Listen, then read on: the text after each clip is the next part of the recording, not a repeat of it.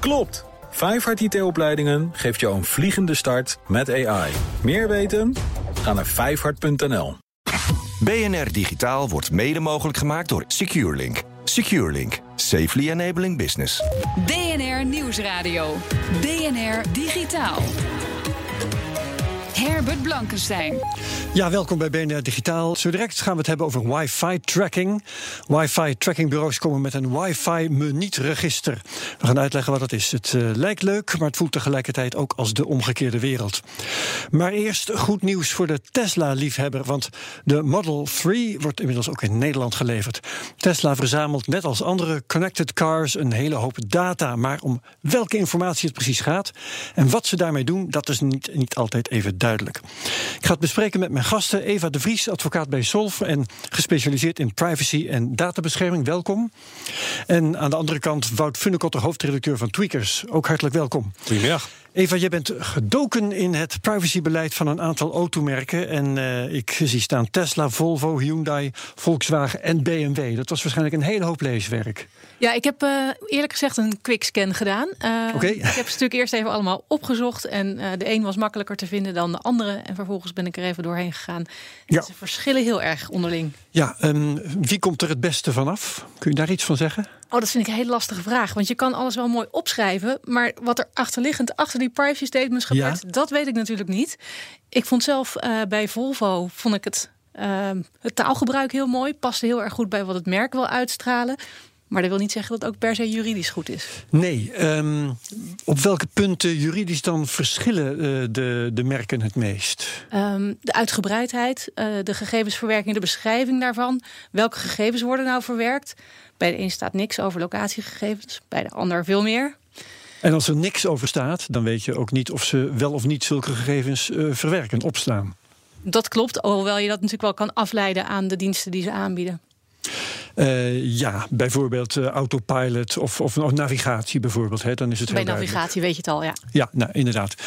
Um, dus het was, het was eigenlijk al moeilijk om zulke informatie te vinden. Dat is, dat is geen goed teken. Ja, dat klopt. Kijk, het lastige, het lastige eraan was, ik heb gekeken naar de websites van de uh, autofabrikanten en daarop heb ik het privacy statement gezocht. Ik merkte dat daar niet alles in stond. En dat kan ook niet, want ze hebben allemaal heel verschillende modellen van auto's. En in die auto's zitten ook vaak weer hele andere technieken, andere systemen. Ja, ze zijn ook niet allemaal connected, neem ik aan. Ook niet. niet dus types. eigenlijk kan je het ook niet allemaal in één privacy statement vatten. Dus ik verwacht eerlijk gezegd dat er ook nog ja, sub-privacy statementjes. Uh, Model-specifieke privacy. Maar, Precies, of dienstspecifiek. Maar je hebt geen aanwijzingen dat die er ook echt zouden zijn. Ik heb ze niet gezien. Nee. En je zegt de ene is veel uitgebreider dan de ander. Um, dat uh, je, je kunt uitgebreid kun je heel goed vinden. Misschien vind jij dat als jurist. Ik als consument denk, nou, kort en bondig, daar zou ik wel voor tekenen. Nou, dat kan me helemaal goed voorstellen. En dat is ook de bedoeling. Want de nieuwe hm. privacywetgeving die zegt ook... je moet het duidelijk en goed leesbaar naar voren brengen. Nu kun je natuurlijk ook werken met uh, kopjes die je kunt uitklappen, uh, linkjes erin, zodat je meteen bent bij ja. de informatie die je zoekt. Op die manier kan uitgebreid ook heel erg duidelijk zijn. Ja. Um, heb je dingen aangetroffen waarvan je zegt: dit kan helemaal niet? Dit is uh, juridisch niet in de haak om het zo te doen of om het op, op deze manier aan de, aan de lezer te presenteren? Nou ja, ja om, om eentje eruit te pikken. Ik kwam bij het. Uh, op een gegeven moment, je moet uh, grondslagen gaan uh, uitleggen. Dus welke, grondslagen voor het mogen verwerken van data. Ja, er ja. staan er in de AVG staan er een aantal genoemd. Je moet altijd een grondslag hebben. En bij een van die privacy statements zag ik dat ze persoonsgegevens gingen verwerken voor een publiekrechtelijke taak. Nou heeft geen enkele autofabrikant een publiekrechtelijke taak. Nee, hè? Ja, dus daarvan fronste mijn wenkbrauwen even. Uh, en zo kwam ik er ook eentje tegen die uh, niet gespecificeerd heeft welke persoonsgegevens worden verwerkt. Dus gewoon niet alleen geen, niet de locatiegegevens, maar helemaal niet. Dus gewoon, ze zeiden persoonsgegevens in de breedste zin van het woord. Ja. Ja. ja, gewoon een soort paraplu en Precies. alles wat we hieronder doen moet je maar vertrouwen. Ja.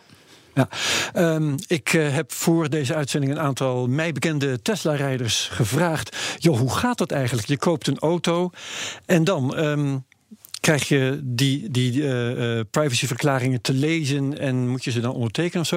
Het blijkt dat het ongeveer iemand schetst de procedure in het kort als je, ze komen naast je zitten en ze wijzen de ruitenwissers en ze wijzen de richtingaanwijzer en ze wijzen waar je op akkoord moet klikken om je nou ja, akkoord te verklaren met de data die, die Tesla van je gaat opslaan. Dat gaat dus heel terloops en niemand neemt de tijd om ook echt te lezen aan welke regels je je dan bindt en waar je mee akkoord verklaart. Wat vind jij daarvan? Nou ja, om heel eerlijk te zijn, zijn natuurlijk ook heel veel mensen die uh, de voorwaarden bij bijvoorbeeld Google of een andere dienstverlening wel krijgen, maar ook heel snel geneigd zijn om akkoord te drukken. Ik zou er zelf voorstander van zijn om nog voordat je in die showroom komt, nog voordat je die auto wil kopen, dan ben je eigenlijk al een beetje in een verleiding gebracht om nog in dat voorstadium duidelijke privacy statements te publiceren op de website. Ja, ja. Wout, ben jij eigenlijk een, een rijder in een connected car? Was het maar zo. Ik rij een heel klein boodschappenwagentje. Nee, dus dit is niet iets wat ik in het dagelijks tegen van de hoofdredacteur van Tweakers. Ja, moet ik bij mijn, mijn baas een keer over praten. Nee, ja, dus, over je eh, salaris bedoel je. Okay. Dit, uh, ik heb hier geen persoonlijke ervaring mee. Maar als ik dat zo hoor, dat je dus in zo'n auto eigenlijk bijna gepusht wordt van klik maar even op ja. Mag dat überhaupt? Of als zo'n verkoper dat doet, weet je, is er juridisch iets over te zeggen? Of moeten ze eigenlijk zeggen: nee, we hebben echt die papieren, ik print het hier voor je uit, dit zijn de voorwaarden? Nou, als de grondslag uh, toestemming is, want dat is ook niet altijd het geval, maar dan moet die toestemming ook vrij gegeven worden. En dat betekent dus niet dat als je al in de auto zit of als je al de auto hebt gekocht, dat je dan pas op oké drukt of dat dat een voorwaarde is om die auto te kunnen gebruiken. Dus vandaar dat ik er voorstander voor ben om die dus al veel eerder te laten zien. Ja, niet even een leespauze voor het tekenen van het contract. Nee, inderdaad. Ja, um, je mag uh, gegevens verwerken als daar een bepaalde rechtsgrond voor is. Uh, je noemde dat woord al een keer. Uh, zijn over de hele linie genomen de autofabrikanten daar duidelijk over? Wat, wat hun rechtsgrond precies is? Nou, het lastige is dat er verschillende verwerkingen is. En eigenlijk moet je die eerst in kaart gaan brengen. Welke verwerkingen zijn er voor navigatie, voor e-call, voor allerlei verschillende redenen? Dat noemde je ook al, hè? verschillende diensten. Precies, verschillende verwerkingen. De auto is eigenlijk een kruispunt van allerlei verschillende diensten. Ja, en het kan bij, per dienst kan het anders zijn welke grondslag van toepassing is. En het lastige, dat zag ik in al die privacy statements terug, is dat niet duidelijk is bij welke dienst welke grondslag nodig is. Ja. Dus bij de ene zou toestemming nodig zijn, maar bijvoorbeeld voor e-call is, het, is dat noodzakelijk voor, om een wettelijke verplichting na te komen. Dus dan heb je weer een andere grondslag. En dat is niet goed uitgewerkt. Nee, nee. Dus um, denk jij dat dat iets is wat zich in de loop der tijd gaat ontwikkelen? Dat, uh, dat uh, autofabrikanten leren om daar duidelijk over te zijn? Nou, ik heb, daar... ik heb daar wel degelijk vertrouwen in. Ja? En uh, daar heb ik ook een goede reden voor. Ik heb het idee dat steeds meer consumenten bezig zijn met privacy. En dat ja. ook gaan vragen van autofabrikanten. Daarnaast heeft in 2017 de Franse toezichthouder zich hier al mee bezig gehouden. Samen met um, stakeholders uit de autobranche. En die heeft daar ook al een rapport over uitgebracht. En ik denk dat dat langzaamaan, als wij nu deze discussie blijven voeren, dan komt dat echt wel van de grond. Ja, en ik kijk dan ook even naar Wout. Uh, want de auto is uh, ja, sinds een paar jaar in de digitale wereld uh, gestapt. En duurt nog eventjes misschien voordat iedereen snapt dat de auto een digitaal apparaat is. Maar voor, voor, andere digitale apparaten is dit al aan het groeien. En het zal dan voor de auto waarschijnlijk ook wel. Nee, tuurlijk. En ik vraag me ook heel af hoe, vraag me af hoe ze dat implementeren. Want als ik een nieuwe telefoon koop, dan moet ik accountgegevens invullen. Dan moet ik denk ik een keer of acht op ja klikken. Er zijn verschillende privacy's. Je moet je best wel ergens doorheen worstelen. Het is niet per se even leuk voor de consument, maar het is wel juridisch verplicht. En als er nu een enkel vinkje, een enkel toestemming is in zo'n auto, ik denk dat dat wel, dat zullen er wel meer gaan worden dan in de toekomst. Als er nog steeds meer diensten via die auto gaan aanbieden. Ja, dan uh, fietsje van, van, uh, van uh, Hilversum naar Groningen en weer terug, al klikkend. Nou, of de, de meneer in de showroom die geeft je een kopje koffie, zegt ik kom over een uurtje wel terug. Uh, succes met de privacyvoorwaarden succes doorlezen. met het klikken. Ja, ja, ja. ja. Um, een onbetreden gebied trouwens, Eva, dat merkten we ook eigenlijk pas kort voordat we hier de studio ingingen. Dat is de Connected Occasion. Want ik ben uh, een, een rijder in een gebruikte Tesla gaan vragen van... goh, wat is er eigenlijk geregeld bij de overgang van die Tesla... van de andere zijn handen in jouw handen? En die weet dat zelf eigenlijk niet zo precies. Nou ja, er werd net al uh, de, de parallel getrokken met uh, nou, mobiele apparaten, een telefoon en, uh, en gegevensverwerking en ja. privacy. Eigenlijk zou je ook denken bij een auto, dan moet eerst al die data eraf. En dan maak je een nieuwe account aan. En dan ga je met die account die tweedehands auto kopen. En dat is dat als ik nu een, een tweedehands iPhone zou kopen, ga ik ook mijn eigen iCloud weer installeren op die iPhone. Wellicht gaat het die kant op. Ja, ja um, Inderdaad, uh, daar, daar, het is een onbetreden gebied, zeg ik al. We gaan daar uh, in BNR Digitaal ook in de toekomst meer aandacht aan besteden. Want er is uh, wat dat betreft nog heel wat uit te zoeken. Gaan we dus doen. Um, wat, wat voor advies zou jij de autofabrikanten nu tot slot meegeven? Um, nou, wees helder in welke diensten je nou precies aanbiedt, welke applicaties er in die auto zitten um, en per dienst ook welke, welke grondslag daarvoor geldt. Ja, en welke van jou is en welke van een derde partij eventueel? Dat ook. En zorg ervoor dat je vooraf dus ook kunt zien welke voorwaarden bij welke dienst horen. Want ik zag ook wel uh, websites waar die diensten wel waren uitgelegd, maar ik kon als niet-autobezitter zonder, niet, zonder mijn chassisnummer eerst in te voeren, zien wat nou die voorwaarden waren. Zorg dat het van tevoren beschikbaar is. Ja, en misschien inderdaad ook wel voor mensen die, eh, die zo'n chassis, chassisnummer nog helemaal niet hebben. Precies. Oké. Okay. Dankjewel. Eva de Vries, advocaat bij Solf en gespecialiseerd in privacy en databescherming. Maar je blijft er ook nog eventjes bij voor het volgende onderwerp. En dat is... Wil je tijdens het shoppen niet gevolgd worden via je Bluetooth of wifi-verbinding... dan biedt een wifi-me-niet-register straks misschien uitkomst. Bespreken we zo.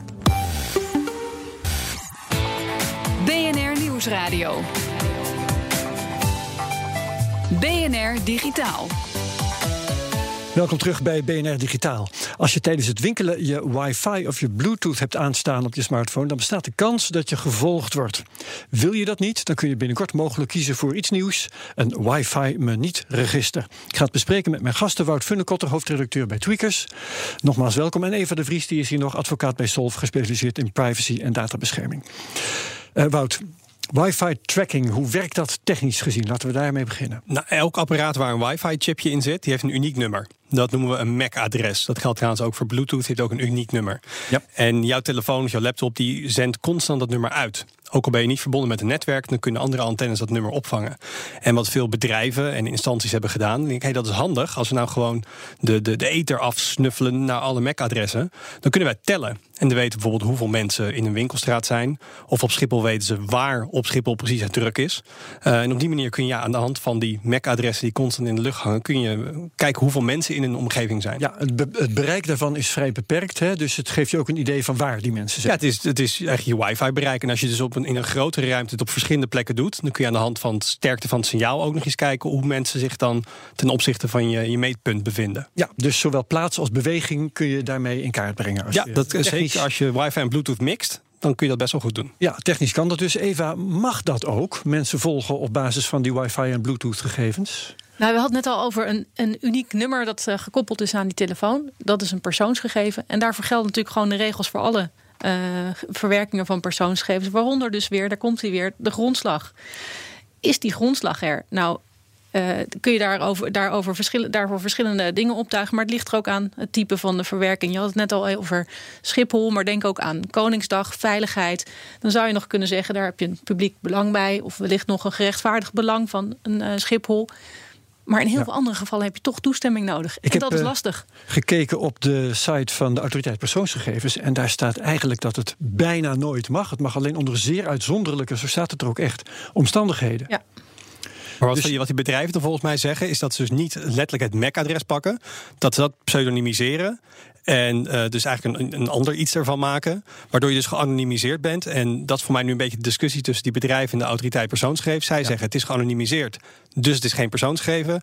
De AP zegt we zijn aan het kijken, daar bepalen wij wel eigenlijk. Maar ja. is er iets over te zeggen? Is het dan nog steeds een persoonsgegeven als je het anonimiseert? Nou, op het moment dat je het oppikt en het gaat anonimiseren, ben je een persoonsgegeven aan het verwerken. Want je bent het aan het anonimiseren. Dus ergens, ergens in, in die, keten, in die keten heb je toch een persoonsgegeven. En het is wel een catch-22. Hè? Je mag een persoonsgegeven niet anonimiseren, want het is een persoonsgegeven. Nou ja, kijk, je, je mag, kijk, soms is het noodzakelijk om te anonimiseren, zodat je daarna verder kan verwerken. Maar je moet wel eerst bedenken waarom wordt het opgevangen om, om daarmee te beginnen. En waar doe je dat voor? En nou, welke doeleinden en welke grondslag is daarvoor? Ja, Wout, um, als je mensen wilt uh, tellen of volgen of zo, zijn daar technisch uh, nog andere manieren voor? Ja, je kunt iemand uh, in een stoeltje zetten met een, met een opschrijfboekje. Nou, digitaal?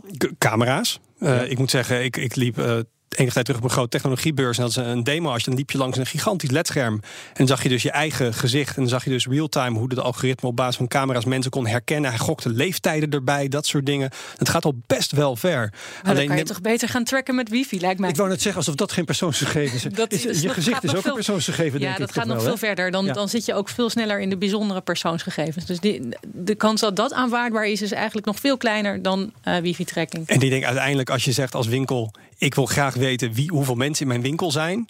Dan kan ik voor dat juridisch het antwoord is: nou, ga lekker bij de deur staan en tellen. Want dat is natuurlijk geen grondslag om Ja. dit Precies, te doen. ja. Kijk, je moet altijd bij het begin beginnen. Hè. Kijk, eerst kijken van, is er niet een andere manier mogelijk... waar die geen inbreuk maakt op op de Ja. persoonlijke levenssfeer. Maar wacht eens eventjes. Als je nou, wel- wat ik nou zei, en Wout zegt het ook... iemand in een stoeltje zet met het opschrijf- opschrijfboekje... mag dat dan eigenlijk wel? Ben je dan geen persoonsgegevens aan het verwerken? Ik denk het eigenlijk ook wel. Nou ja, op dat moment wat, wat je leg je vast. Niet je digitaal, zit alleen maar te, strepen.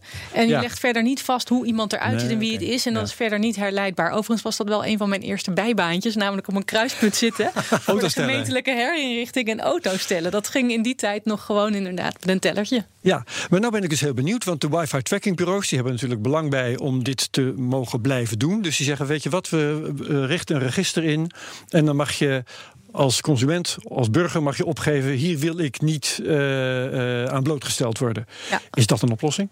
Nou, het lastige daarmee is, ik, ik begon net al even over die grondslag. Als de grondslag is eh, een gerechtvaardigd belang. en en dan, dan moet je afwegen tussen het bedrijfsbelang en het belang van die Ja. betrokkenen die niet gevolgd wil worden.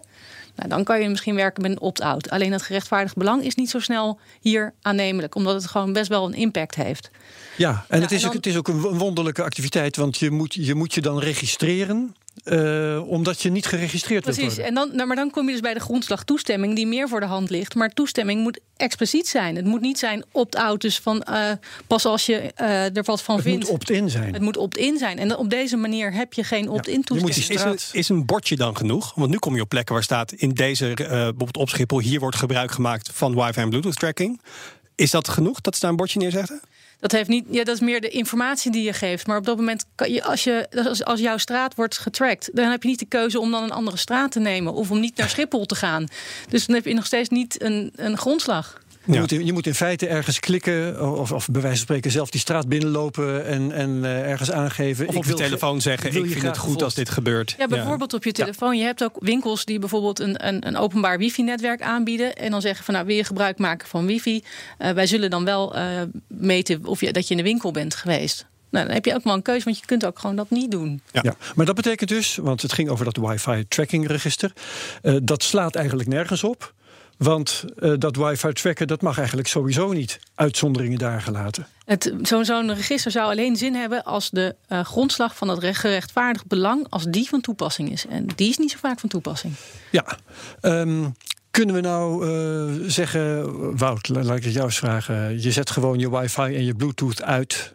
Dan ben je helemaal, heb je helemaal nergens mee te maken, ben je overal vanaf. D- dat sowieso. Nou is het ook wel dat in de nieuwste versie van de software van Android-telefoons en iOS-telefoons, eh, die doen standaard. eh, als jij dus aan het zoeken bent naar netwerken en nog niet verbonden bent met een netwerk, dan eh, randomize, dan maakt ze elke keer het MAC-adres willekeurig. Dus ze stellen eigenlijk nep MAC-adressen uit. Ja. Waardoor jij dus misschien ehm, op maandag, dinsdag, woensdag, donderdag elke keer iets anders roept, toetert naar die zenders.